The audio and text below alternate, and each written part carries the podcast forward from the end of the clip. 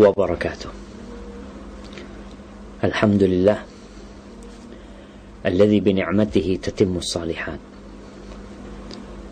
Segala puji bagi Allah Jalla Jalaluh yang karena nikmatnya kebaikan-kebaikan menjadi sempurna. Yang karena rahmatnya niat-niat baik hamba dapat terlaksana.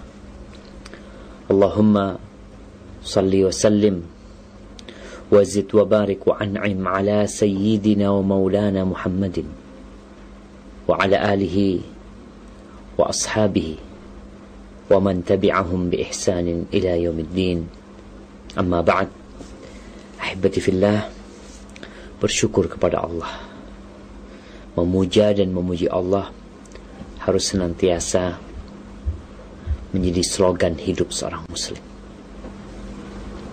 apapun yang sedang kau hadapi bagaimanapun kondisimu saat ini hendaklah engkau senantiasa berbaik sangka kepada Allah Jalla Jalaluh. Hibati fillah, kita melanjutkan kajian kita tentang doa-doa yang dibaca oleh Rasulullah sallallahu alaihi wasallam. Kita punya banyak permohonan. Kita memiliki beragam hajat dan kebutuhan. Tapi terkadang lisan kita kurang mampu untuk menguraikan apa yang berada di dalam hati kita. Atau terkadang keinginan kita, kemauan kita, hajat kita sesuatu yang remeh yang seharusnya seorang muslim itu memiliki cita-cita, angan-angan yang besar Kenapa tidak? Allah Azza wa Jal berfirman, Udu'uni astajib lakum. Berdoalah kalian. Memohonlah kepada aku, pasti aku kabulkan. Tarik kita sampai ke hadis nomor 677. Al Imam Bukhari mengatakan hadatsana Amr ibn Marzuq. Qala akhbarana Syu'bah. Qala hadatsana Thabit an Anas anna an-nabiy sallallahu alaihi wasallam kana yukthiru an yad'u bi hadha ad-du'a. Allahumma atina fid dunya hasanah wa fil akhirati hasanah wa qina adzaban nar. Qala Syu'bah fadzakartuhu liqatadah. Faqala kana Anas yad'u bihi wa lam yarfa'hu. Telah mengajarkan kepada kami Amr bin Marzuq kata Imam Bukhari. Dia berkata telah mengajarkan kepada kami Syu'bah. Syu'bah berkata telah mengajarkan kepada kami Thabit. Thabit meriwayatkan dari Anas bin Malik radhiyallahu anhu bahwasanya Nabi Sallallahu Alaihi Wasallam sering atau banyak kali beliau berdoa dengan doa ini. Apa doanya? Allahumma atina fid dunya hasanah wa fil akhirati hasanah wa qina azaban nar. Syu'bah menyebutkan hadis ini kepada Qatadah. Apa kata Qatadah? Iya, Anas juga berdoa dengan doa itu, tapi dia tidak menisbatkannya kepada Nabi alaihissalam. Anas berdoa dengan doa ini dan Nabi alaihissalam banyak berdoa dengan doa ini, sallallahu alaihi wasallam. Doa ini sering disebut doa sapu jagat. Yang terkadang kita membacanya di ya penghujung doa. Anas bin Malik radhiyallahu anhu biasa menyisipkan doa ini di dalam doa-doa dia sebagaimana pernah kita bahas di beberapa hadis sebelum hadis ini. Jamaah rahimakumullah kalau kita lihat apa sih makna hasanah? Rabbana atau Allahumma Rabbana ya Allah wahai Rabb kami kami berikan kepada kami kebaikan di dunia kebaikan di akhirat dan selamatkan kami dari api neraka Sebagian orang doanya, Ya Allah, aku minta kekayaan, aku minta jabatan, aku minta ilmu, macam-macam. Ini doa pendek, tapi mencakup segala kebaikan yang ada dalam benak manusia dari kebaikan dunia. Al-Imam Ibn Kathir rahimahullahu ta'ala menyebutkan yang dimaksud dengan hasanah di dunia mencakup segala target duniawi dari afiah, dari kesehatan. Rumah yang luas, istri, pasangan hidup yang baik, anak-anak yang berbakti, rizki yang luas, ilmu yang bermanfaat, amal yang soleh, kendaraan yang nyaman, sanjungan dan pujian, dan selain itu dari berbagai kebagi kebaikan dan kebahagiaan dunia yang semuanya masuk dalam al-hasanah fid dunia.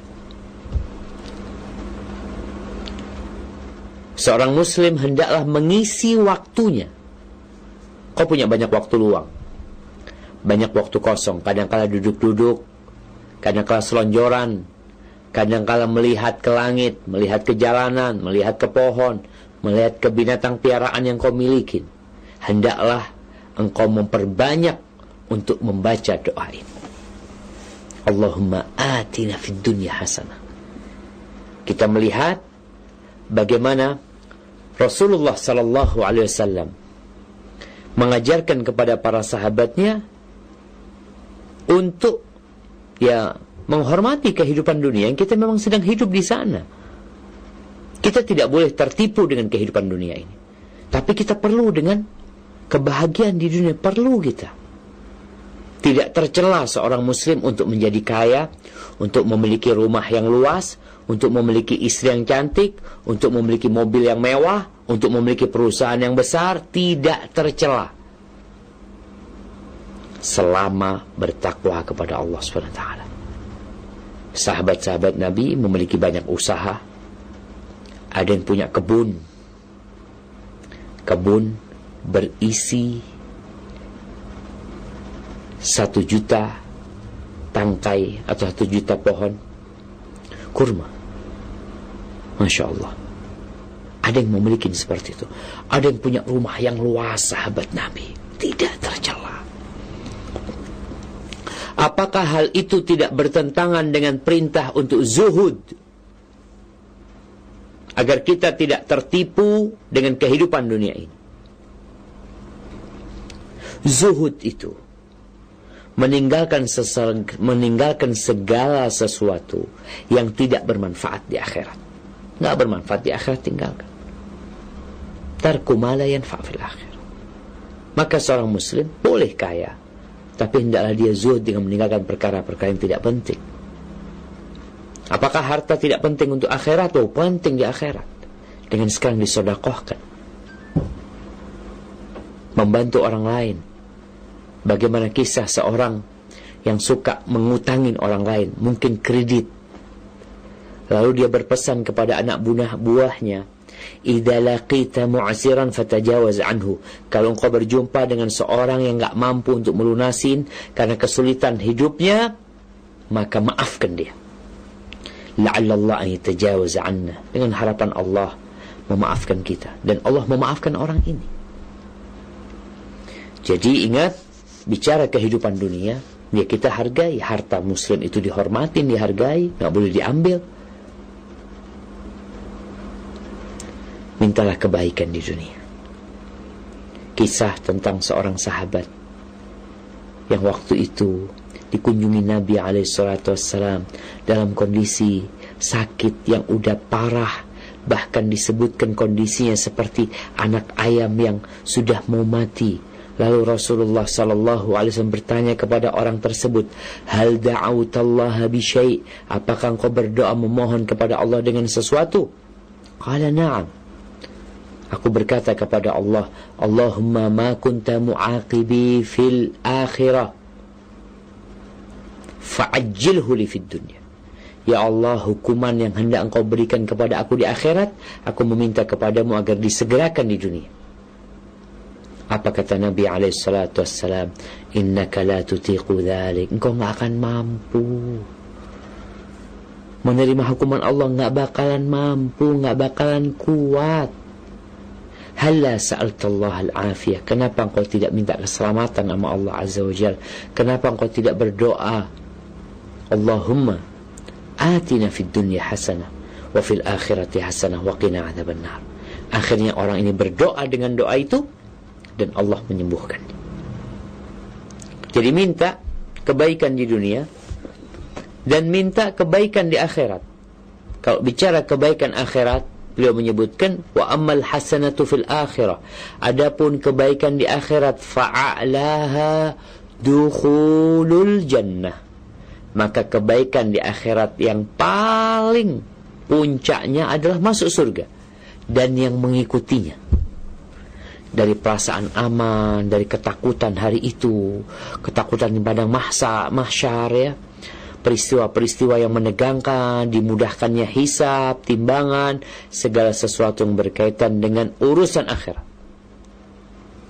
Adapun diselamatkan dari azab neraka, ini menuntut agar dimudahkan bagi dia sebab-sebab di dunia yang menyebabkan dia terhindar dari api neraka.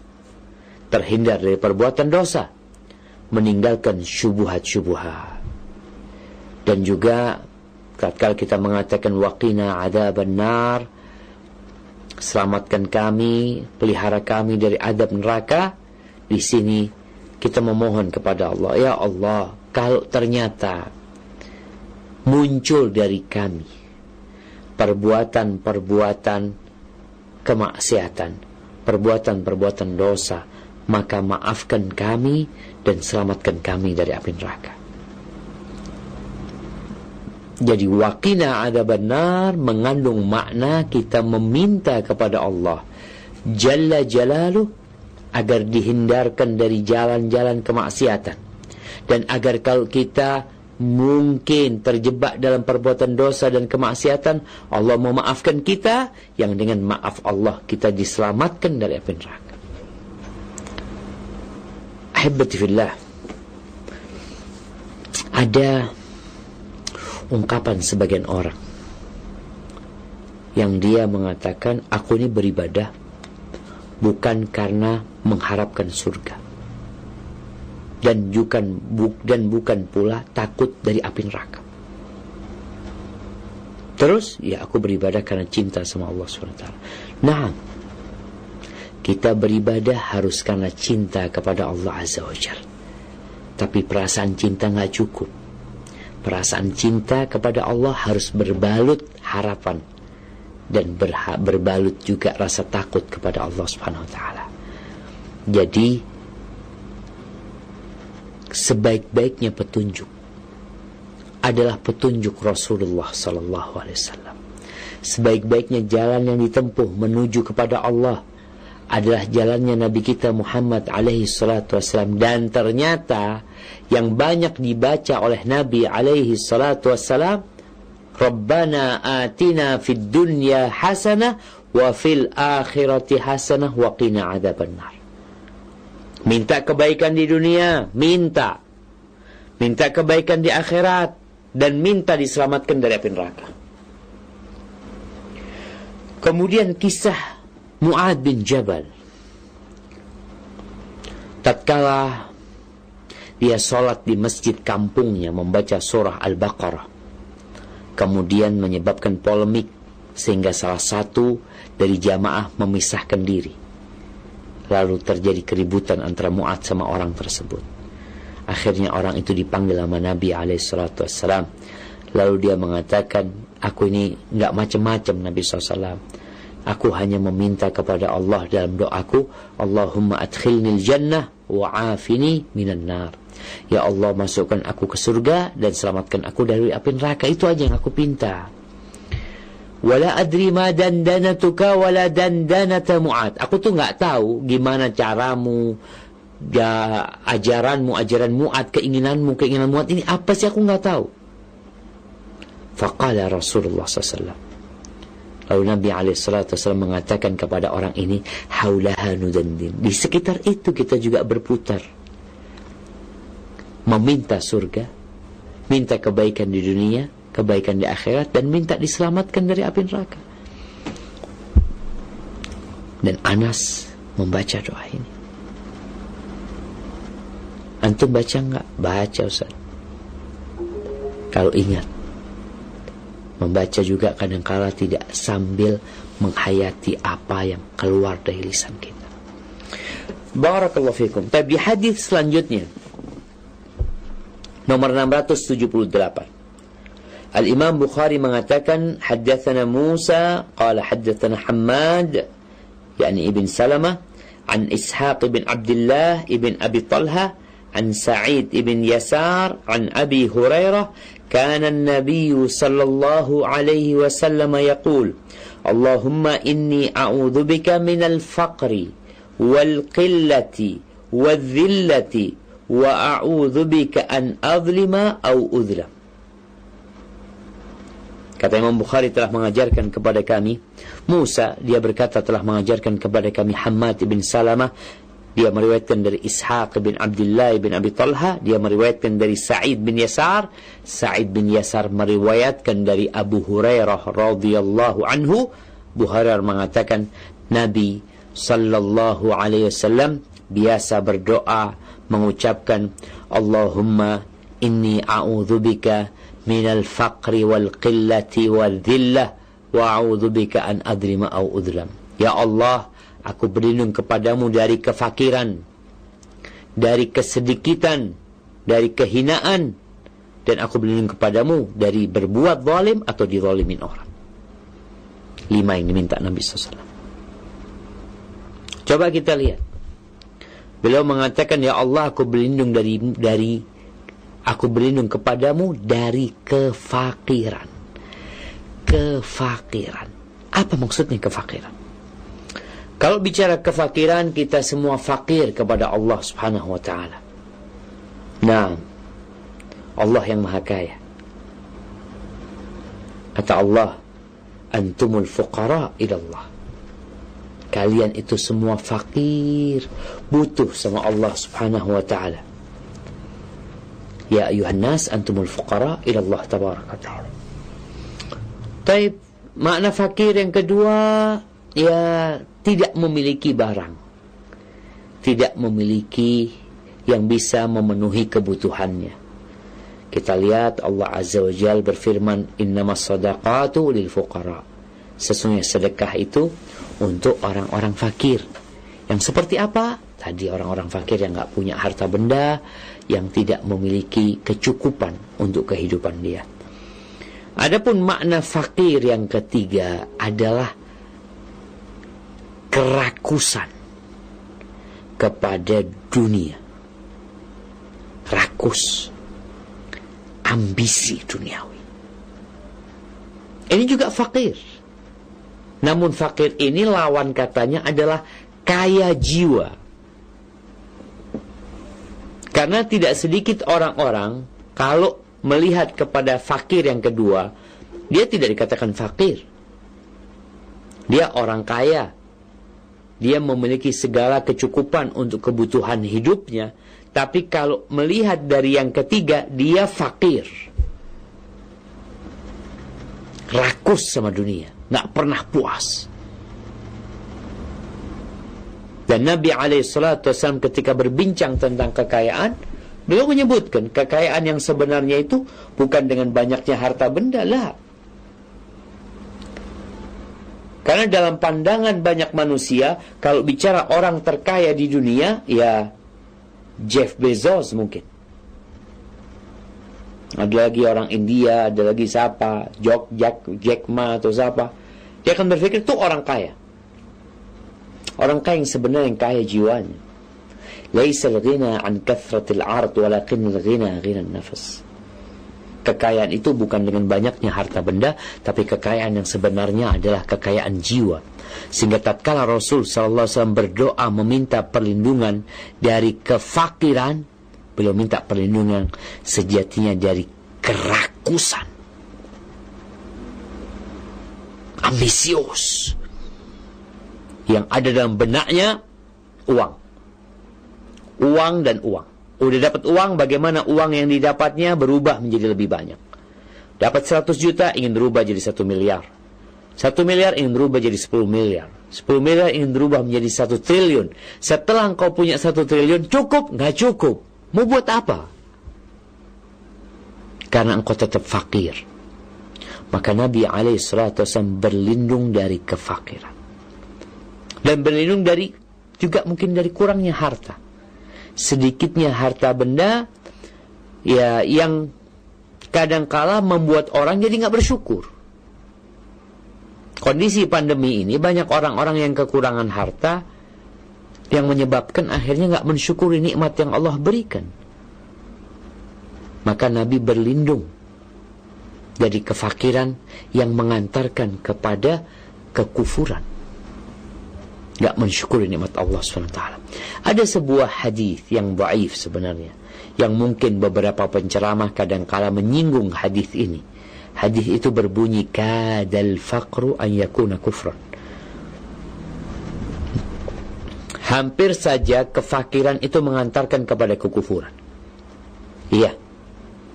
Bukan kefakiran harta, tapi kefakiran jiwa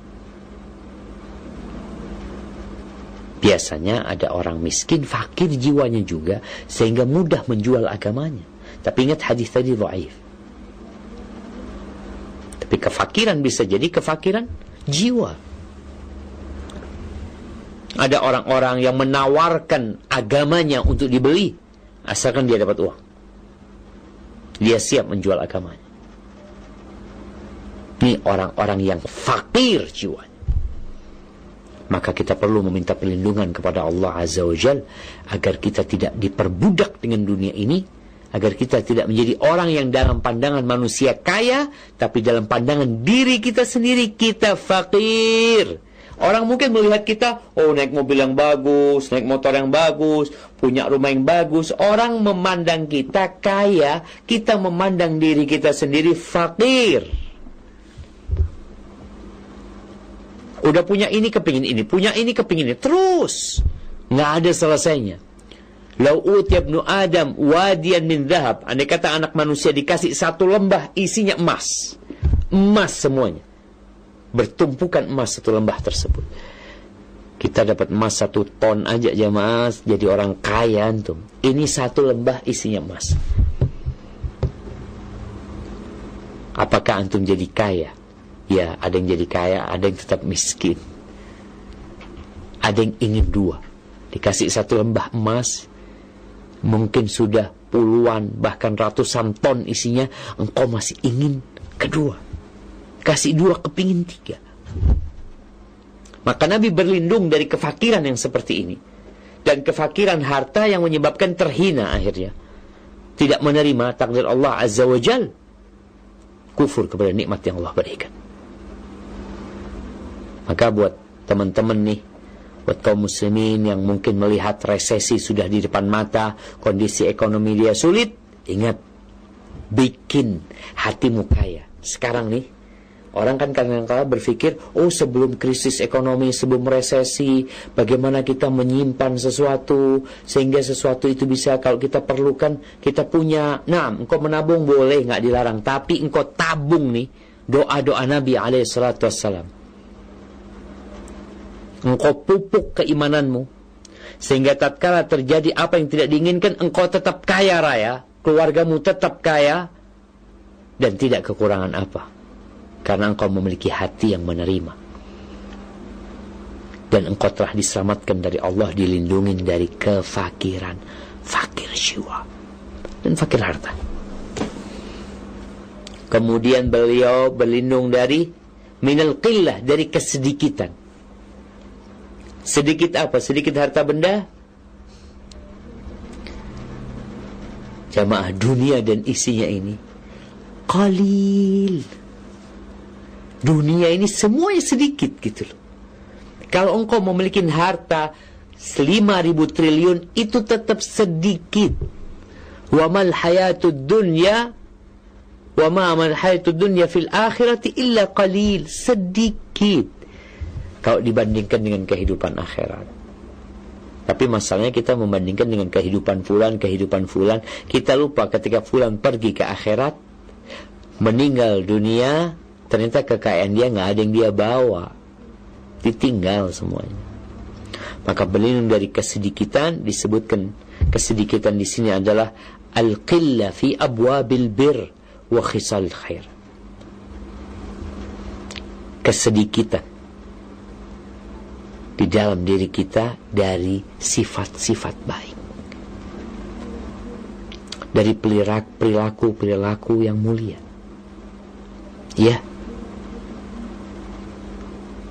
Orang yang paling sempurna imannya adalah yang paling baik akhlak. Kadangkala kita nih, ya Allah, kalau bercermin, menghisap diri kita, kita jadi tahu ya Allah, kebaikan anak ini apa nih? Apa kebaikan anak kepada diri anak, kebaikan anak kepada keluarga anak, kebaikan anak kepada masyarakat? Apa manfaat yang telah anak berikan kepada negeriku, kepada bangsaku? Atau selama ini yang terjadi, engkau berusaha untuk memperkaya dirimu. Mengambil manfaat untuk dirimu. Bukan memberikan manfaat bukan memperkaya bangsa dan negerinya, tapi memperkaya diri dan keluarganya. Ada orang-orang yang, ya Allah, kebaikan di diri dia itu sangat dikit. Kalaupun ada, ya untuk kebaikan dia sendiri. Maka kita berlindung kepada Allah SWT dari al-qillah, kesedikitan. Dari sifat-sifat yang mulia, dari perilaku-perilaku yang baik atau kesedikitan yang menyebabkan kita jadi terhina karena butuh sama manusia. Maka kita berlindung kepada Allah Azza wa Jal agar kita dijauhkan dari kehinaan sehingga kita minta-minta sama orang. Yang ketiga, wadzillah berlindung kepada Allah dari kehinaan. Kalau bicara hina, hina di depan manusia, di mana tidak dihargai. Dan kehinaan ini juga salah satu penyebabnya adalah dosa. Kalau bicara hina, kita berlindung kepada Allah dari kehinaan yang disebabkan dengan dosa-dosa kita. Dan doa ini mengandung permohonan kepada Allah agar kita diselamatkan dari perbuatan-perbuatan dosa, dari kemaksiatan-kemaksiatan yang berakhir dengan kehinaan yang diterima oleh pelaku dosa tersebut. bukan berfikir kehinaan karena miskin. Rasulullah sallallahu alaihi wasallam mengatakan tentang kehinaan yang menimpa umat Islam. Apa kata beliau?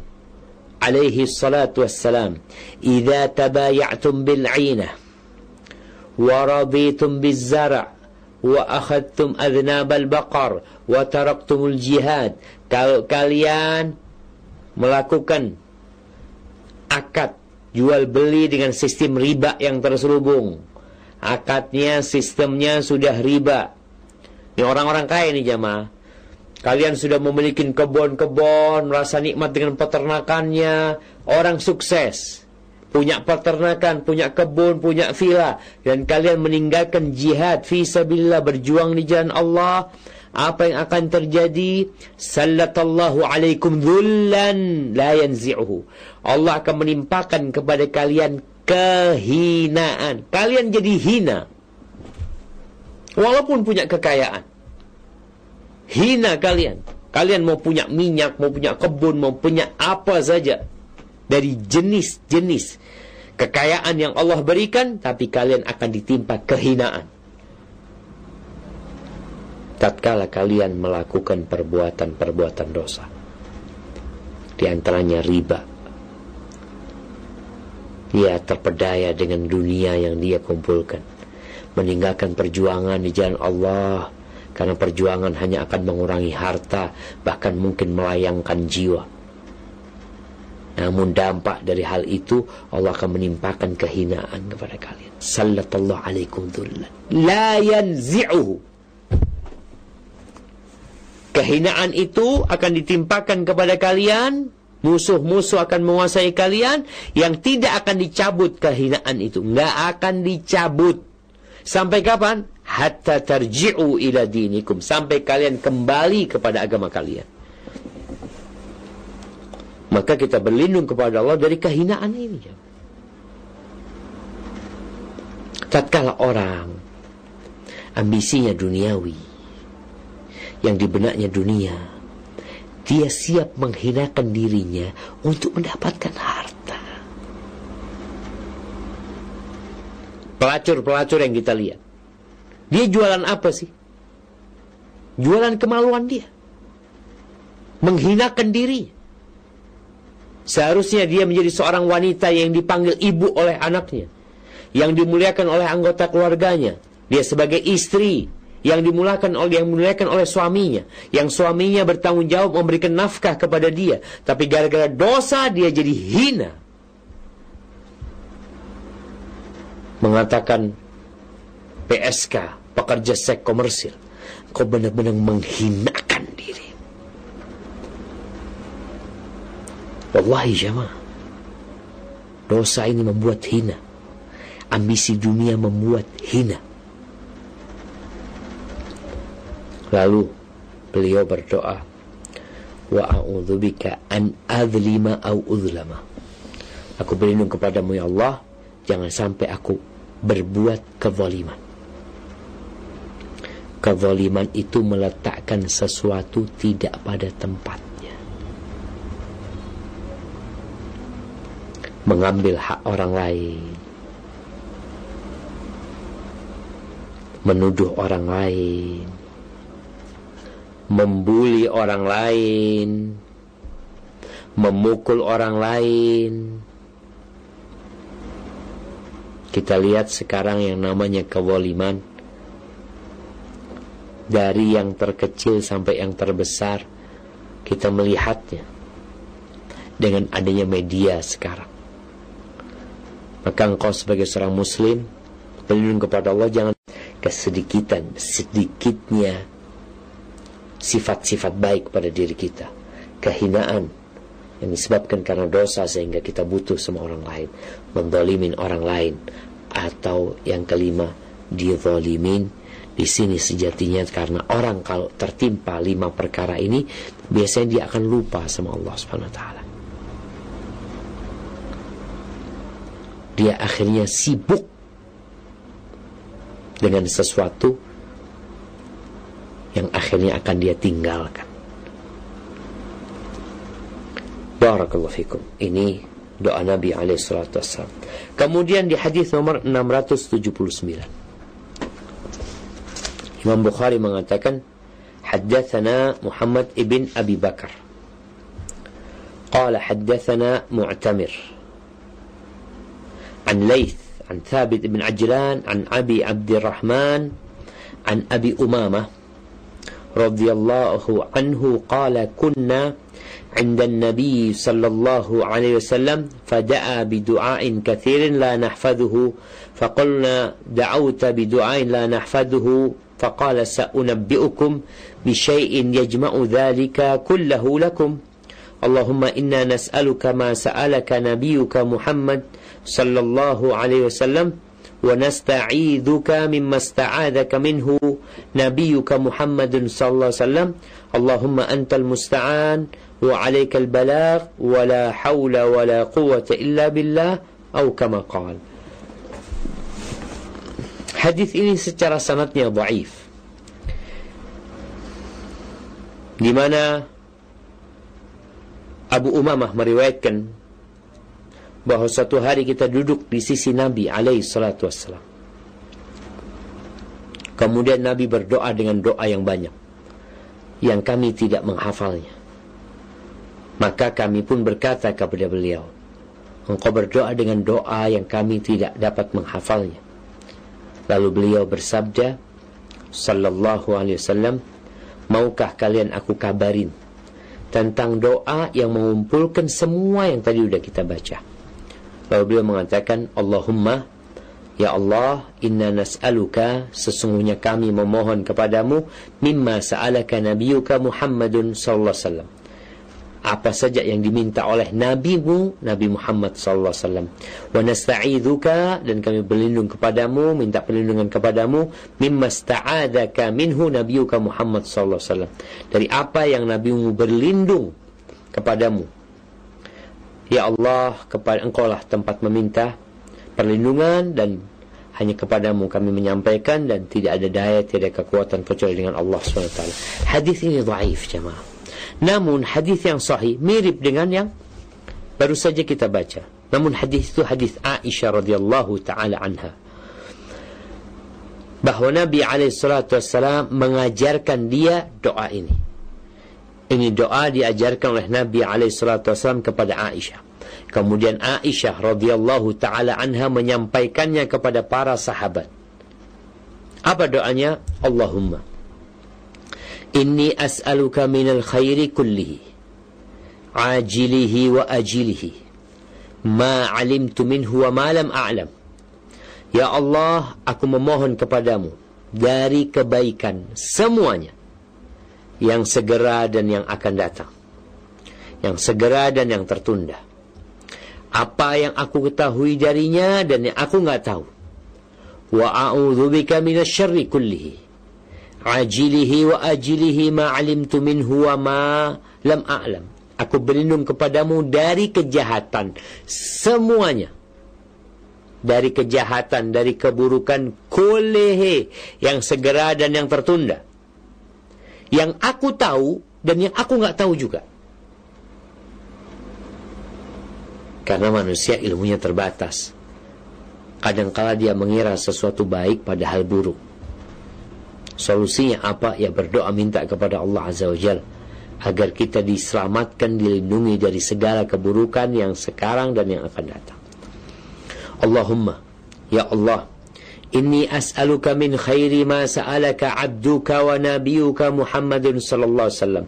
Ya Allah, aku memohon kepadamu dari kebaikan yang telah dipinta oleh hambamu, oleh nabimu, yakni Muhammad sallallahu alaihi wasallam wa bika min syarri ma adza minhu abduka wa nabiyyuk dan aku meminta perlindungan kepadamu dari keburukan yang Nabi Muhammad hambamu nabimu itu meminta perlindungan dari keburukan itu Allahumma inni as'aluka al-jannah wa ma qarraba ilaiha min qawlin wa amal ya Allah aku memohon kepadamu surga dan semua yang mendekatkan ke surga baik itu ucapan ataupun perbuatan. Wa a'udzubika minan nar wa ma qarraba ilaiha min qaulin aw amal. Dan aku berlindung kepadamu dari api neraka dan segala yang mendekatkan ke neraka baik itu ucapan atau amalan. Wa as'aluka an taj'ala kulla qada'in qadaitahu li khaira dan aku memohon kepadamu agar kau menjadikan semua ketentuanmu itu baik buat aku. Semua ketentuan untukku itu baik. Subhanallah ini doa diajarkan oleh Nabi SAW kepada Aisyah radhiyallahu taala anha dan di sini disebutkan hadisnya diriwayatkan Imam Ahmad, Imam Ibnu Majah dan disahihkan oleh Syekh Albani rahimahullahu taala. Doa ini jamaah adalah termasuk doa yang dianjurkan untuk dibaca oleh muslim karena doa ini kata-katanya tidak panjang, tapi isinya mengandung segala kebaikan. Tapi kalau bicara orang berdoa meminta perlindungan dari satu hal, satu perkara, boleh. Meminta kebaikan satu kebaikan tafadhol. Tapi kenapa kita tidak meminta semua kebaikan? Di sini disebutkan as'aluka minal khairi kullihi. Aku meminta kepadamu dari segala baikan semuanya. Dari kebaikan semuanya, semuanya pokoknya. Yang aku tahu, yang aku nggak tahu, yang sekarang, yang akan datang, wallah aku minta sama Allah SWT. Masa nggak mau minta sama Allah SWT? ketika Allah Jalla Jalaluh membuka pintunya agar kita memohon maka mintalah yang banyak sekali kalau engkau dikasih permintaan dua, tiga, empat maka kita tentunya akan memohon sesuatu yang yang banyak dan doa ini diajarkan oleh Nabi Alaihissalam yang seharusnya seorang Muslim itu ya membacanya.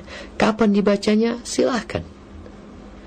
Diriwayatkan dari Abdullah bin Mas'ud radhiyallahu anhu bahwa dia biasa membaca doa meminta segala kebaikan itu setelah tasyahud sebelum salam dan beliau mengajarkan hal itu kepada orang-orang Al-Hafidh Ibn Hajar dalam kitabnya Fathul Bari mengatakan waqad warada fima yuqal بعد التشهد أخبار من أحسنها ما رواه سعيد بن منصور وأبو بكر بن أبي شيبة من طريق أمير بن سعد قال كان عبد الله يعني ابن مسعود يعلمنا التشهد في الصلاة nih adapun termasuk berita-berita tentang yang dibaca setelah tasyahud diantaranya adalah hadis Abdullah bin Mas'ud. Dikatakan bahwa kata Umair ibn Sa'ad kana Abdullah yu'allimuna tasyahud fi salah Abdullah bin Mas'ud ini mengajarkan kepada kami bagaimana tasyahud di dalam salat. Thumma yaqul. Kemudian dia berkata idza faragha ahadukum min at-tasyahud apabila seseorang di antara kalian telah selesai dari tasyahud falyaqul hendaklah dia berdoa. Mengatakan Allahumma inni as'aluka minal khairi kullihi ma 'alimtu minhu wa ma lam a'lam. وأعوذ بك من الشر كله ما علمت منه وما لم أعلم. اللهم إني أسألك من خير ما سألك منه عبادك الصالحون. وأعوذ بك من شر ما استعاذك منه عبادك الصالحون. ربنا آتنا في الدنيا حسنة وفي الآخرة حسنة وقنا عذاب النار قال ويقول ابن مسعود لم يدء نبي ولا صالح بشيء إلا داخل في هذا الدعاء Setelah tasyahud baca doa ini. Ya Allah aku meminta kepadamu kebaikan. Semuanya yang aku ketahui dan aku yang tidak ketahui. Dan aku berlindung kepadamu dari segala keburukan yang aku mengetahuinya yang aku juga nggak tahu. Ya Allah, aku memohon kepadamu dari segala kebaikan yang pernah dipinta oleh hamba-hambamu yang soleh segala kebaikan yang dipinta oleh hamba-hambamu yang soleh. Dan aku berlindung kepadamu dari segala keburukan yang hamba-hamba yang solehmu itu berlindung dari hal itu. Lalu mengatakan Rabbana atina fid dunya hasanah wa fil akhirati hasanah wa qina adzaban nar. Apa kata Ibnu Mas'ud? Walam yad'u nabiyyun.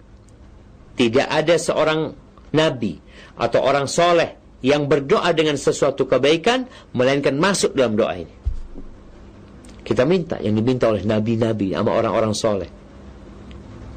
Jadi doa ini cukup dibaca muslim menggantikan doa-doa yang lainnya.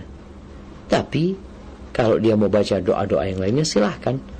Namun kalau engkau mungkin ya ada orang-orang yang udah tua, yang udah capek mau baca panjang-panjang doanya, maka doa yang diajarkan Rasulullah sallallahu alaihi wasallam kepada Aisyah radhiyallahu taala anha dan yang diucapkan oleh Abdullah bin Mas'ud dalam salat setelah tasyahud termasuk doa-doa yang agung yang seharusnya seorang muslim itu bersungguh-sungguh untuk me, ya untuk memiliki doa-doa yang apa ya doa-doa yang manjur lah doa-doa yang dikit dia hafal, dia selalu membacanya, insya Allah apa yang dia pinta Allah berikan. Barakallahu fikum. Kemudian Al-Imam Bukhari menyebutkan hadis nomor 680 Qala haddathana Yahya bin Bukair Qala haddathana Laith An Yazid ibn al-Had عن عمرو بن شعيب عن أبيه عن جده قال سمعت النبي صلى الله عليه وسلم يقول اللهم inni a'udzubika min fitnatil masiihid dajjal wa a'udzubika min fitnatin nar di sini disebutkan bahwa telah mengajarkan kepada Imam Bukhari Yahya bin Bukair dia berkata telah mengajarkan kepada kami Laith dia meriwayatkan dari Yazid Ibnul Had dari Amr ibn Shu'aib dari ayahnya dari kakeknya Abdullah bin Amr ibn al-As. Qala dia berkata aku mendengar Nabi SAW berkata Ya Allah Allahumma inni a'udzuka min fitnatil masih dajjal aku berlindung kepadamu dari fitnahnya dajjal wa a'udzubika min fitnatin nar. Dan aku berlindung kepadamu dari fitnah neraka yakni dari perkara-perkara ujian-ujian sebab-sebab yang mengantarkan ke neraka karena kita tahu surga itu dipagari dengan perkara-perkara yang dibenci oleh jiwa manusia. Orang itu kalau ditawarin iming-iming yang besar tapi sulit, males dia. Tapi kalau ditawari keenakan tapi bahaya, dia akan berpikir, oh nanti mungkin bisa dikendalikan. Maka kita berlindung kepada Allah dari fitnah neraka. Karena jalan menuju neraka itu penuh dengan fitnah. Menggoda. Hufatin nar bisyahawat. Neraka itu dipagari dengan syahwat-syahwat. Dengan semua yang diinginkan oleh manusia. Oleh karena itu, tatkala terjadi kiamat, Allah Azza wa Jal mengatakan فَإِذَا جَاءَتِ الطَّامَّةُ الْكُبْرَى يوم يتذكر الإنسان ما سعى وبرزت الجحيم لمن يرى فأما من طغى وآثر الحياة الدنيا فإن الجحيم هي المأوى Allah katakan ketika terjadi kiamat.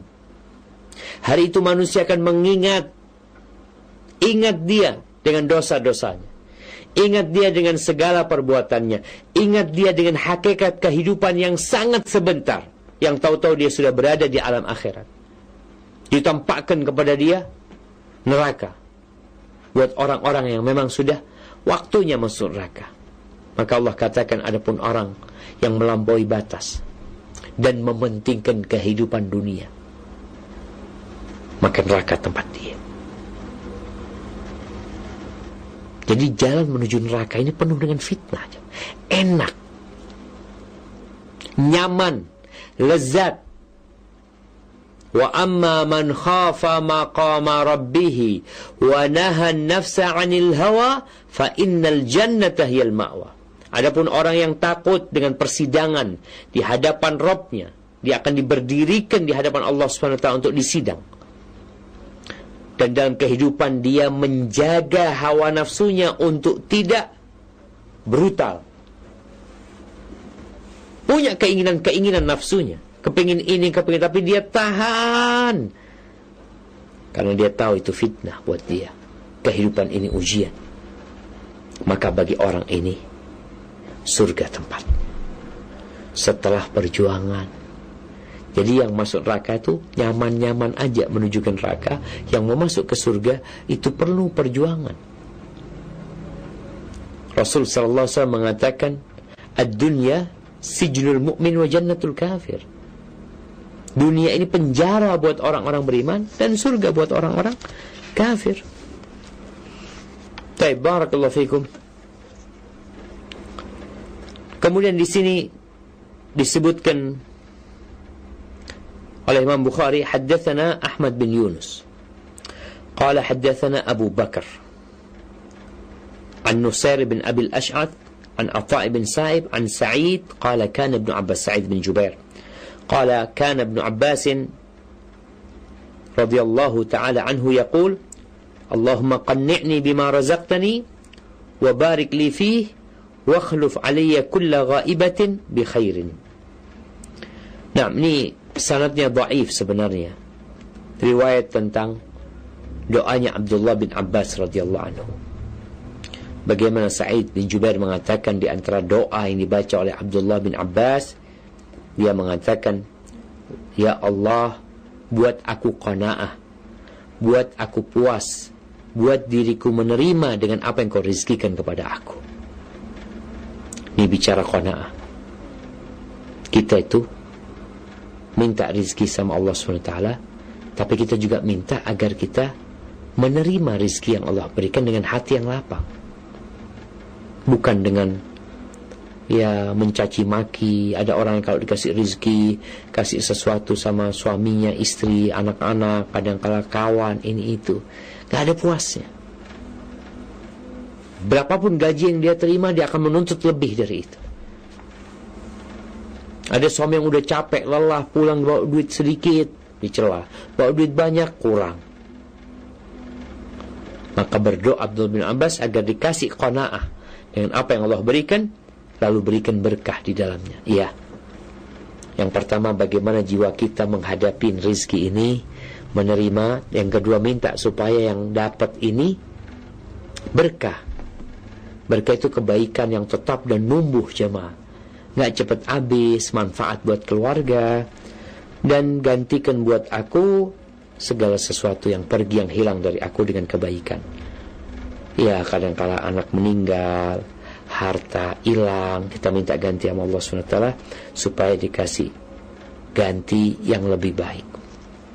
Namun sanat athar ini dhaif. Akan tetapi ini sebuah doa yang boleh dibaca oleh seseorang yang ingin membacanya dan kemudian Imam Bukhari di hadis nomor 682 beliau mengatakan hadatsana Musaddad qala hadatsana Abdul Warith عن عبد العزيز عن أنس قال كان أكثر دعاء النبي صلى الله عليه وسلم اللهم آتنا في الدنيا حسنة وفي الآخرة حسنة وقنا عذاب النار di sini disebutkan bahwasanya uh, Imam Bukhari mengatakan telah mengajarkan kepada kami Musaddad.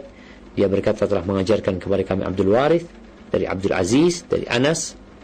Kalau tadi Thabit dari Anas, ini dari Abdul Aziz dari Anas bin Malik dia berkata, yang paling banyak dibaca dari doa Nabi wasallam adalah Allahumma atina fid dunya hasanah wa fil akhirati hasanah wa qina adzabannar seperti yang tadi sudah kita bahas insyaallah pada kesempatan yang akan datang kita akan masuk ke hadis nomor 600 83 ini berkaitan dengan doa Nabi alaihissalam yang juga sering dibaca oleh Rasulullah sallallahu alaihi wasallam namun yang jelas sebagai wawasan buat kita bersama. Doa yang paling mulia adalah doa yang dibaca oleh Nabi kita Muhammad alaihi wasallam.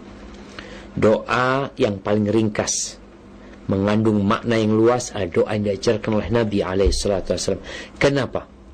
karena Allah Jalla Jalaluh telah memberikan kepada Nabi kita sebagai sebuah keistimewaan beliau adalah jawami'ul kalim adalah ucapan-ucapan kalimat-kalimat yang pendek tapi mengandung makna yang luas sehingga kalau ada yang berpikir anak buat doa ini lebih ringkas engkau tidak akan mendapatkan kecuali dari doa Rasul sallallahu alaihi wasallam.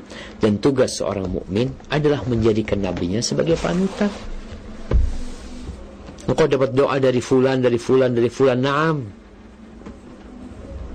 Tapi engkau dapat doa dari Nabi alaihi wasallam, itu yang harus kita berpegang teguh dan mengamalkan. Karena terkadang kita lebih suka dikasih doa sama orang-orang yang kau ditanya dari mana doanya wallahu a'lam, ana dikasih tahu fulan. Fulan dikasih tahu siapa? Wallahu a'lam, enggak tahu. Terus kalau tadi doa yang kita baca dari siapa? Dari Nabi alaihi salatu wasallam. Imam Bukhari meriwayatkannya dari gurunya, dari guru-gurunya, dari guru-guru-gurunya, dari sahabat Nabi alaihi salatu wasallam, lalu dari Nabi alaihi salatu wasallam. Maka jamaah jangan meremehkan doa yang diajarkan oleh Rasulullah wasallam dan dibaca oleh beliau hanya dengan dalih oh semua orang tahu doa itu Ustaz aku ingin doa yang orang sedunia nggak tahu gimana Nabi SAW ingin mengajarkan ilmu yang diketahui oleh semua orang di dunia ini. Sehingga mereka mendapatkan manfaat dari apa yang disampaikan dan diajarkan oleh Rasulullah sallallahu alaihi wasallam. Hada wallahu alam bisawab. Dan ingat doa meminta kebaikan di dunia, minta keselamatan dari penyakit, dari balak, dari musibah, dari segala hal yang mungkin ajak menimpa kita itu masuk dalam doa kita Rabbana atina fid dunya. Masuk di sana pula kita meminta diselamatkan dari corona dari covid-19 ini dari dampak politiknya dampak ekonominya sosialnya macam-macam. Itu terkandung dalam doa Rabbana atina fid dunya hasanah wa fil akhirati hasanah wa qina adzabannar itu mungkin yang dapat Anda sampaikan pada kesempatan kali ini. Mungkin kita masuk ke sesi tanya jawab. Nah, Anda kembalikan ke teman-teman di studio Rejak Pusat. Tafadhal. Jazakallahu khairan Ustaz atas penjelasannya dari pembahasan kitab Al-Adabul Mufrad yang telah sampai pada hadis ke-682. Dan untuk selanjutnya, para pemirsa Roja TV dan pendengar Radio Roja di mana pun Anda berada, Anda dapat berpartisipasi dalam sesi yang kedua, sesi tanya jawab. Anda dapat melayangkan pertanyaan Anda melalui pesan singkat di nomor 081 989 6543 atau melalui line telepon di nomor 0 021 823 6543. Baik untuk pertanyaan pertama kita akan coba angkat pertanyaan melalui pesan singkat dari hamba Allah di Tangerang. Assalamualaikum Ustaz. Bolehkah berdoa melihat catatan Ustaz karena belum hafal? Dan bolehkah dibaca dalam sholat Ustaz? Ya ini membaca surat Al-Baqarah ayat terakhir karena di sana ada doanya. Mohon penjelasannya Ustaz.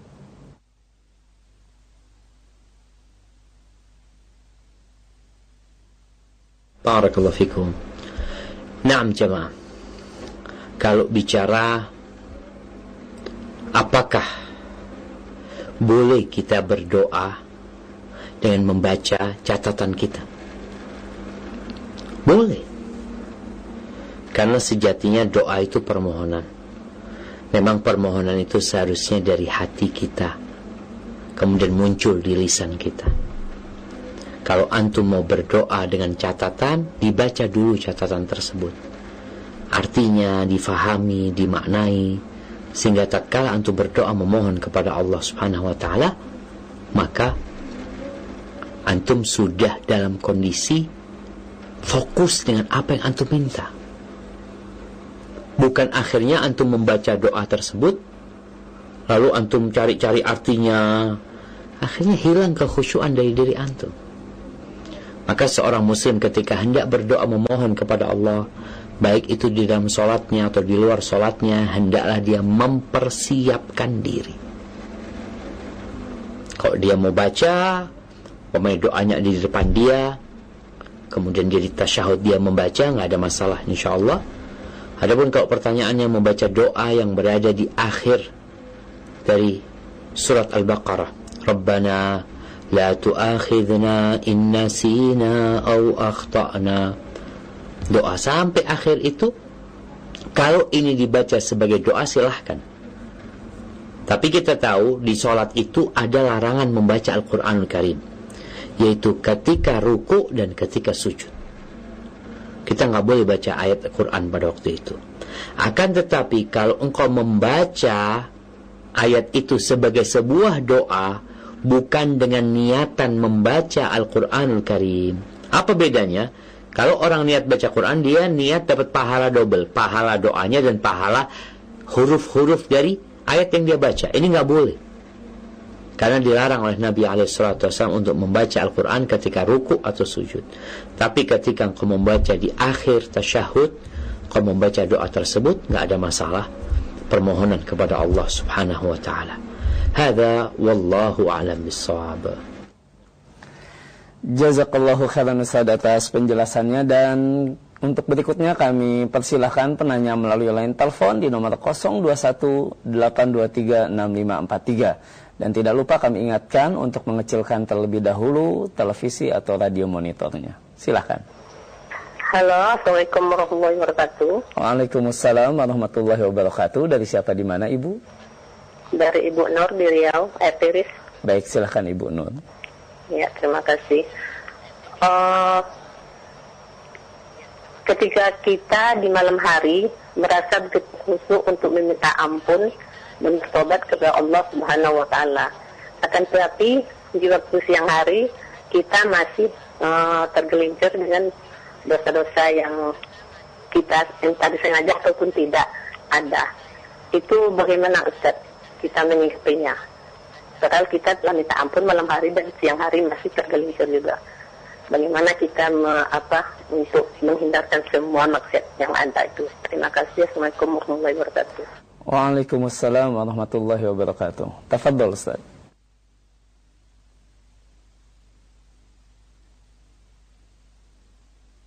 نعم بارك الله فيكم جماعة رحمكم الله Rasulullah sallallahu alaihi wasallam berpesan, "Ittaqillah haitsuma kunta wa atbi'is al-hasana tamhuha wa khaliqin nas bi khuluqin hasan." Bertakwalah kepada Allah di mana pun kau berada. Kita diperintahkan untuk bertakwa, untuk menjaga diri dari perbuatan dosa, untuk senantiasa melaksanakan ketaatan, itu di mana pun kita berada pagi, petang, di rumah, di kantor, di tempat kerja, di lapangan, di jalanan. Tapi manusia ini makhluk yang sudah ditakdirkan berbuat dosa. Sampai-sampai Rasulullah sallallahu alaihi wasallam mengatakan, "Lau lam tudhnibu, la dhahaba Allah bikum, wa la biqaumin akharin yudhnibun, fayastaghfiruna Allah fayaghfir lahum." Andai kata kalian tidak berbuat dosa, niscaya Allah akan menghilangkan kalian, akan mengusir kalian, dan Allah akan datangkan generasi yang lainnya yang mereka berbuat dosa, lalu mereka beristighfar, memohon ampun kepada Allah, dan Allah mengampuni dosa-dosa mereka. Di antara hikmah perbuatan dosa ini, manusia itu jadi nggak sok suci. Manusia itu tidak ujub Orang kalau nggak pernah nggak pernah berbuat dosa, bahaya. Dia akan merasa dirinya suci, terjaga ini itu. Akhirnya jadi dosa buat dia. Ujub itu dosa. Sehingga dosa ini di antara hikmahnya adalah membuat orang itu jadi takut sama Allah ya, sadar diri dia kembali kepada Allah Subhanahu wa taala. Makanya Nabi Alaihissalam mengatakan, kalau engkau berbuat dosa, ikuti dengan perbuatan kebajikan. Itu akan menghapuskan dosa-dosa tersebut. Maka tatkala dikatakan, di malam hari dia bertobat, dia minta ampun sama Allah Subhanahu taala, di siang hari kembali berbuat dosa, maka dia hendaklah bertobat lagi kepada Allah Subhanahu taala, memohon ampun kepada Allah Jalla Jalaluh. Rasulullah sallallahu alaihi wasallam bersabda, "Inna Allah Ta'ala yabsutu yadahu bil-lail liyatuba musi'un nahar. Sesungguhnya Allah Jalla Jalaluh membentangkan tangannya, membuka tangannya di malam hari agar pelaku-pelaku dosa di siang hari bertobat kepada Allah SWT. Dibukain pintu, dibentangkan tangan Allah SWT. Kesempatan itu diberikan kepada pelaku dosa di siang hari untuk bertobat di malam hari. Wa yabsutu yadahu nahar liyatuba musiul lail.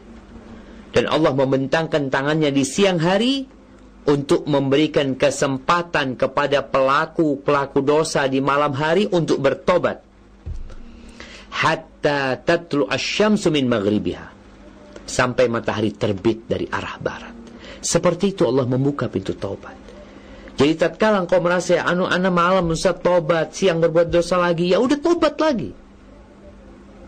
Tapi jangan meremehkan Allah Subhanahu wa taala. Karena ditakutkan orang-orang yang berbiasa terbuat dosa, kadang kala berbuat dosanya serius, tobatnya nggak serius. Maka hendaklah ibu yang bertanya tadi, tobatnya itu dibenerin. Menyesali, meninggalkan, bertekad untuk tidak mengulangi. Dan selama matahari belum terbit dari arah barat, maka kesempatan untuk bertobat tetap dibuka. Dan Nabi SAW juga bersabda, Inna Allah yakbalu taubatal abdi malam yugharrir. Sesungguhnya Allah Azza wa Jal menerima taubat hamba selama nyawanya belum sampai ke tenggorokan. Jadi jangan putus asa. Tapi jangan juga meremehkan. Malam hari gunakan untuk bertobat kepada Allah SWT. Siang hari gunakan untuk menghindari dari dosa-dosa yang telah biasa dikerjakan. Hada wallahu alam bisawab. Jazakallahu khairan Ustaz atas penjelasannya dan untuk berikutnya kembali kita akan angkat pertanyaan melalui pesan singkat. Assalamualaikum Pak Ustadz, saya setiap sholat berdoa selamat. Namun di rumah saya cekcok terus, cekcok terus.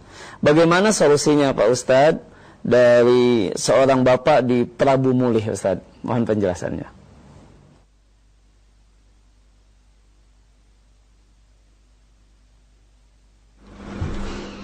Barakallahu fikum. Naam jamaah. Kita tahu apa sih yang membuat percekcokan terjadi? Di antara penyebab terjadinya percekcokan itu adalah lisan yang kurang terjaga. Jadi kalau di rumah akhirnya cekcok terus, kalau di luar rindu, tapi kalau sudah sampai rumah ribut ya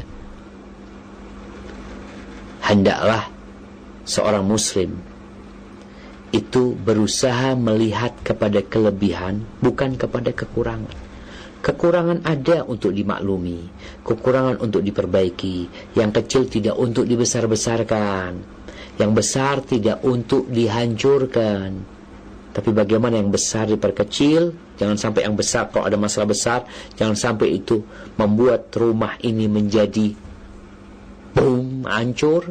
Kemudian kalau ada perkara kecil, berusaha untuk ditutupi dan dihindari. Allah Azza wa Jal mengatakan, وَقُلْ li'ibadi yaqulul latihi ahsan.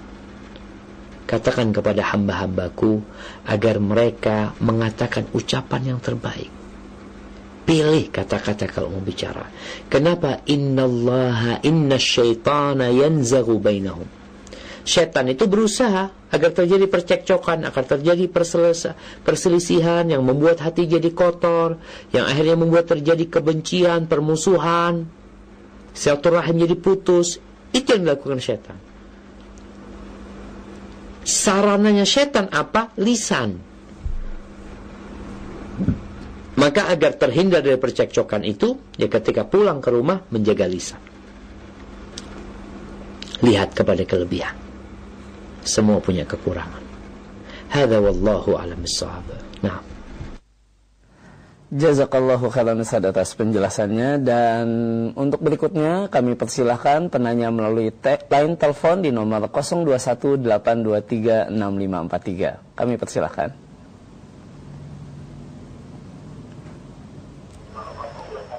Iya. Ya. Assalamualaikum warahmatullahi wabarakatuh. Waalaikumsalam warahmatullahi wabarakatuh. Dari siapa di mana, Bapak? Dari Pak uh, hamba Allah di Bandar Lampung. Baik, silakan Bapak.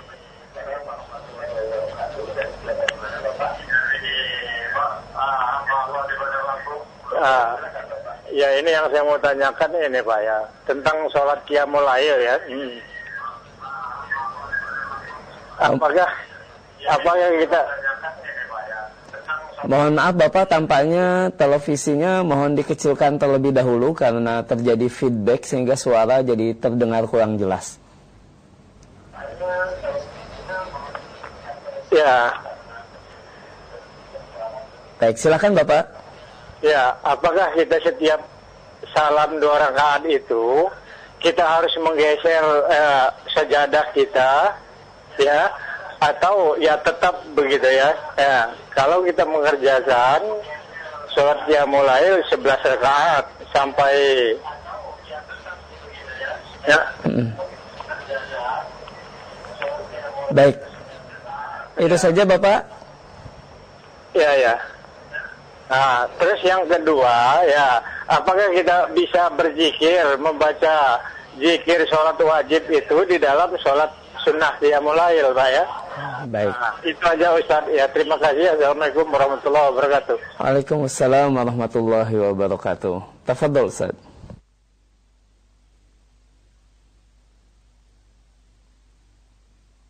Baik, eh, barakallahu fikum. فيكم jemaah rahimakumullah, kau tadi ditanyakan tentang masalah sholat malam. Apakah ketika sholat malam ya, kita itu dianjurkan untuk berpindah dari tempat sholat ke tempat selanjutnya. Pemain sholat di sini, nanti rokaat selanjutnya di tempat ini, rokaat selanjutnya di tempat ini. Kalau untuk sholat malam tidak. Untuk sholat sunnah pun sebenarnya yang ada anjuran berpindah itu adalah dari sholat fardu ke sholat sunnah. Jadi ketika sholat fardu mau sholat sunnah pindah dari tempatnya. Tapi kalau engkau sudah sholat sunnah di tempat itu ya sholat nggak ada masalah di tempat itu. Jadi di antara hikmahnya adalah untuk membedakan antara sholat fardu dengan sholat sunnah. Jadi terpisah sholat tersebut dengan adanya perpindahan tempat. Dan tempat sholat kita memang akan menjadi saksi buat kita pada hari kiamat. Jadi kalau Bapak sholat malam sebagaimana Nabi alaihissalam ketika sholat malam ya udah di tempat itu Rasulullah SAW. Juga kalau kita lihat para sahabat ketika sholat terawih bersama Nabi alaihissalam mereka tidak setiap dua rakaat berpindah-pindah. Enggak. Ya udah di tempat itu mereka sholat. Itu berkaitan dengan dengan sholat malam. Kemudian kalau pertanyaan tadi, apakah zikir yang kita baca setelah sholat fardu itu dibaca setelah sholat malam, sholat sunnah? Enggak sebenarnya. Kenapa? Karena ada zikir-zikir yang lebih khusus untuk selesai sholat sunnah. Di antaranya memang ada dua sholat sunnah yang disebutkan bahwa Nabi SAW membaca zikir khusus. Yang pertama setelah sholat malam, setelah sholat witir beliau itu membaca Subhanal Malikil Quddus Subhanal Malikil Quddus Subhanal Malikil Quddus tiga kali. Setelah itu mau berdoa mau beristighfar silahkan dibaca. Tapi memang tidak membaca zikir yang setelah sholat fardu. Seperti yang kita ketahui baca subhanallah 33 kali alhamdulillah 33 kali Allahu akbar 33 kali. Tapi bebas mau membaca doa apa saja. Adapun setelah yang sholat sunnah yang kedua adalah bacaan setelah sholat duha ada hadis yang sering kita dengar ya, mengatakan wahai Rabbku, ampuni aku, kasihi aku, sesungguhnya Engkau Maha Pengasih dan Maha Penyayang. Baca itu 100 kali setelah sholat duha. Jadi bukan bacaan yang biasa kita baca setelah sholat. Jadi intinya tafadhal membaca, berdoa, memohon kepada Allah, bertasbih, beristighfar setelah sholat sunnah bebas sebenarnya hanya ada dua sholat tadi yang hadisnya sahih berkaitan dengan bacaan setelahnya. Itu sholat witir dan sholat duha. Hada wallahu alam bisawab nah Jazakallahu khairan Ustaz atas penjelasannya. Dan untuk berikutnya pertanyaan kembali melalui pesan singkat. Pertanyaan dari Bapak Suwandi di Bengkulu. Assalamualaikum Ustaz. Apakah zikir pagi petang bersambung dengan wirid sholat? Atau harus dipisahkan? Mohon penjelasannya Ustaz.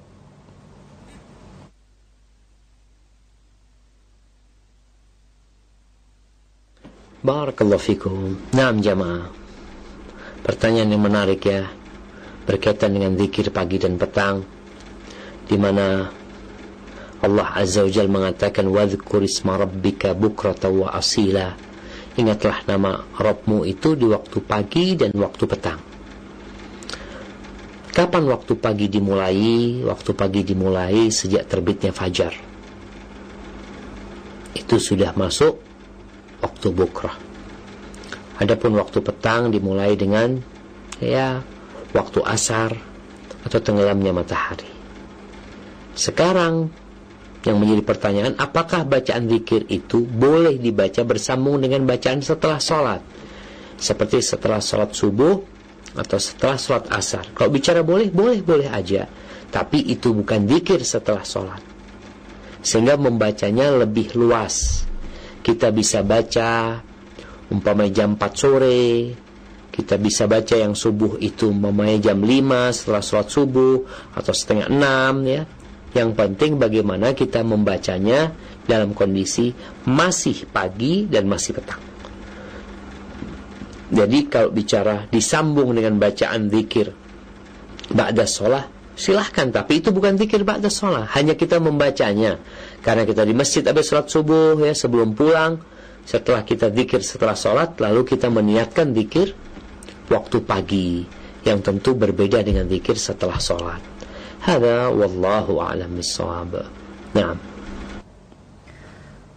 Jazakallahu khairan Ustaz atas penjelasannya dan untuk berikutnya kembali pertanyaan melalui line telepon kami persilahkan. Iya. Halo, Assalamualaikum. Waalaikumsalam warahmatullahi wabarakatuh. Dari siapa di mana Ibu? Dari Firliana di situ Bondo. Baik, silakan Ibu. Uh, ini Ustadz, doa apa agar tidak lama-lama itu mengalami sakaratul maut gitu Ustadz. Apakah ini ada tuntunan dari Nabi? Allahumma hawin alaina fi sakaratul maut. Itu Ustadz, mohon penjelasan. Sekarang jasa khairan. Assalamualaikum warahmatullahi wabarakatuh. Wa jazakillahu khairan. Waalaikumsalam warahmatullahi wabarakatuh. Tafadhal Ustaz.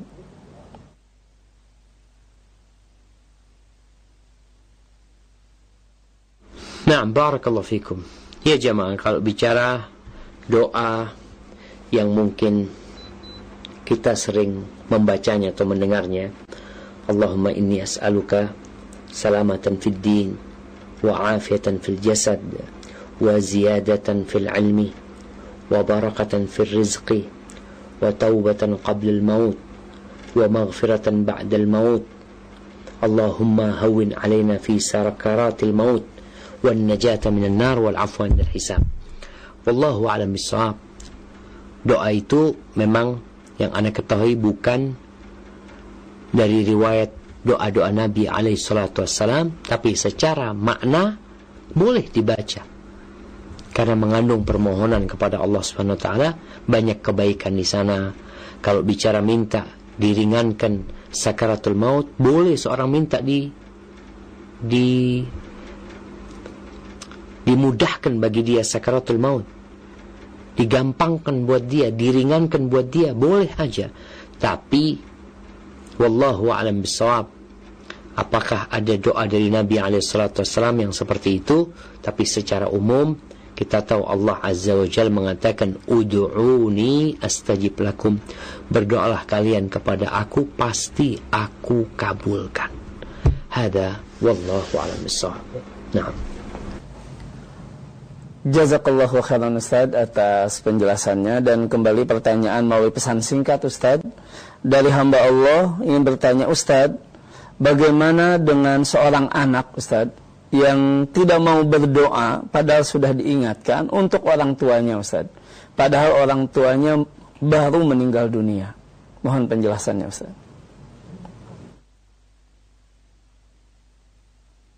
Mohon penjelasannya Ustaz.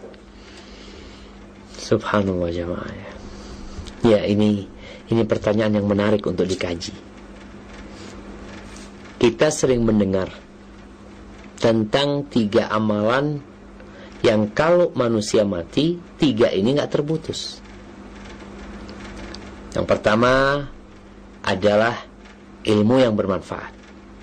Yang kedua sodakoh jariah. Yang ketiga doa anak soleh. Atau anak soleh yang mendoakan orang tuanya. Kalau tadi disebutkan ada anak yang nggak mau mendoakan orang tuanya. Apa penyebabnya? Coba dicari tahu. Seharusnya kan kita kalau punya anak banyak harapannya banyak yang mendoakan. Itu kalau anaknya soleh. Anak yang nggak soleh jangan doa buat orang tuanya, buat diri sendiri aja dia nggak peduli.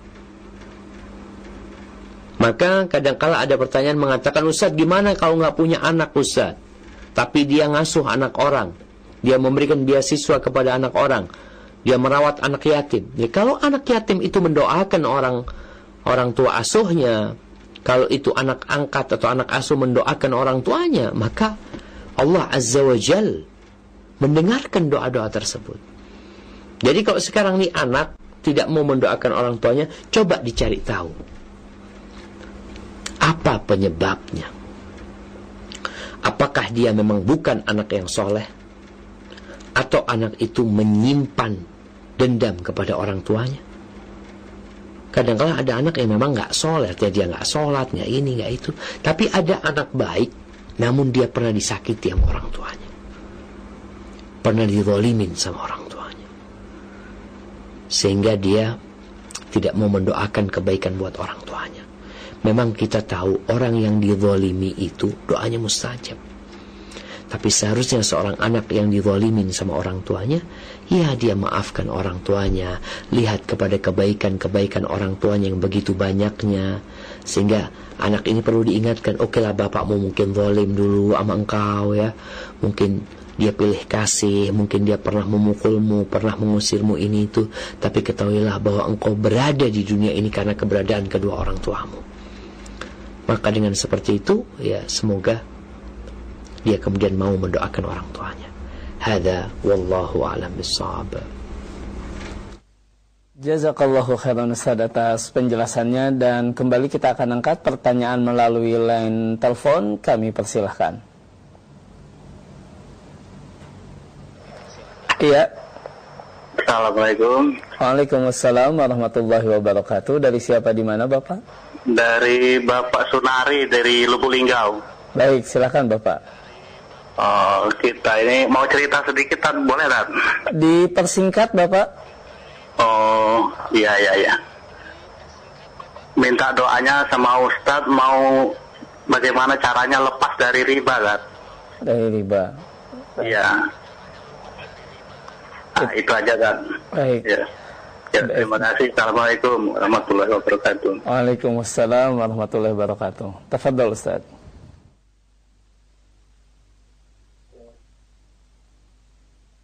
Barakallahu fikum.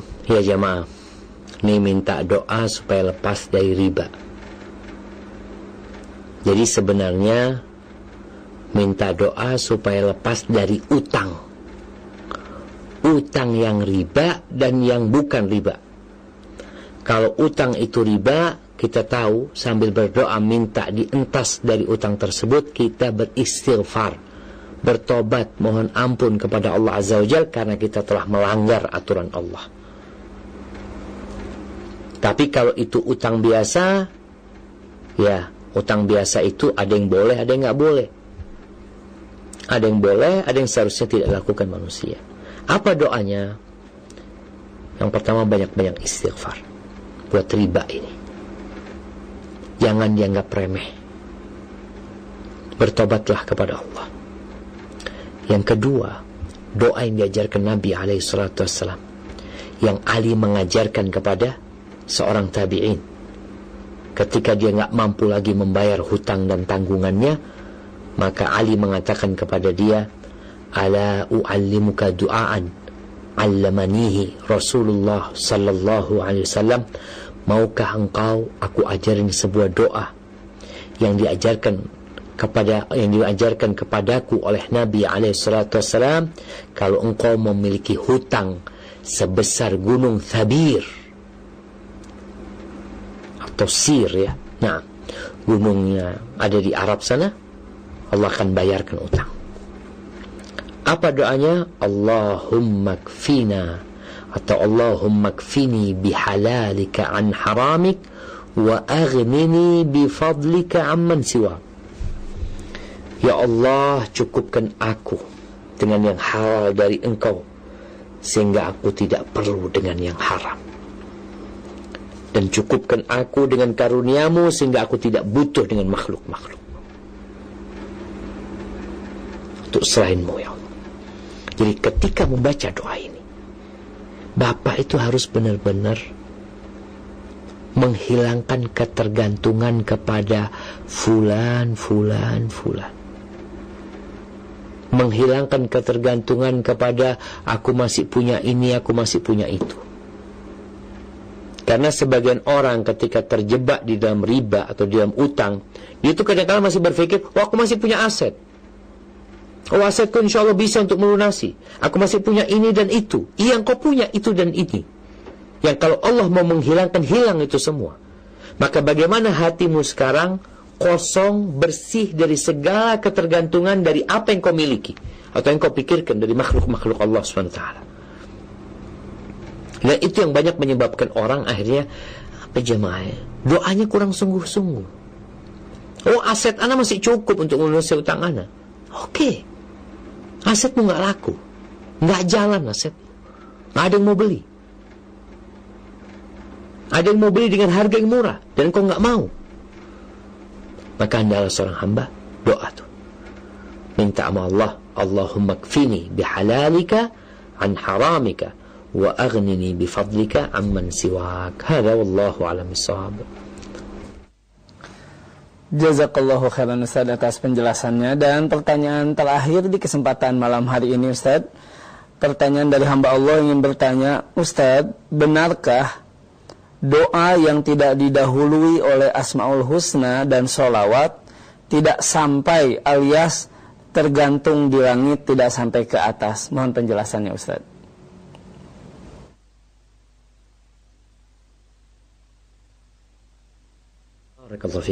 Ya, ada dua hal ini. Yang pertama berkaitan Asma'ullah al-Husna. Yang kedua dengan solawat. Adapun berkaitan dengan doa yang tidak dengan membaca Asma'ullah Husna kurang bagus ya. Kalau dikatakan uh, Rasul SAW pernah melihat seorang berdoa tanpa memuji Allah SWT. Tahu-tahu langsung minta.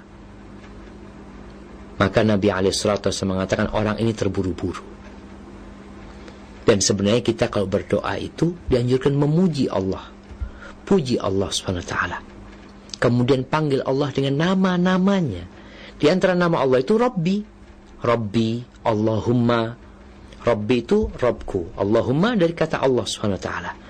Jadi Allah mengatakan walillahil asmaul husna fad'uhu biha. Sesungguhnya Allah memiliki nama-nama yang indah, berdoalah engkau dengan nama-nama tersebut.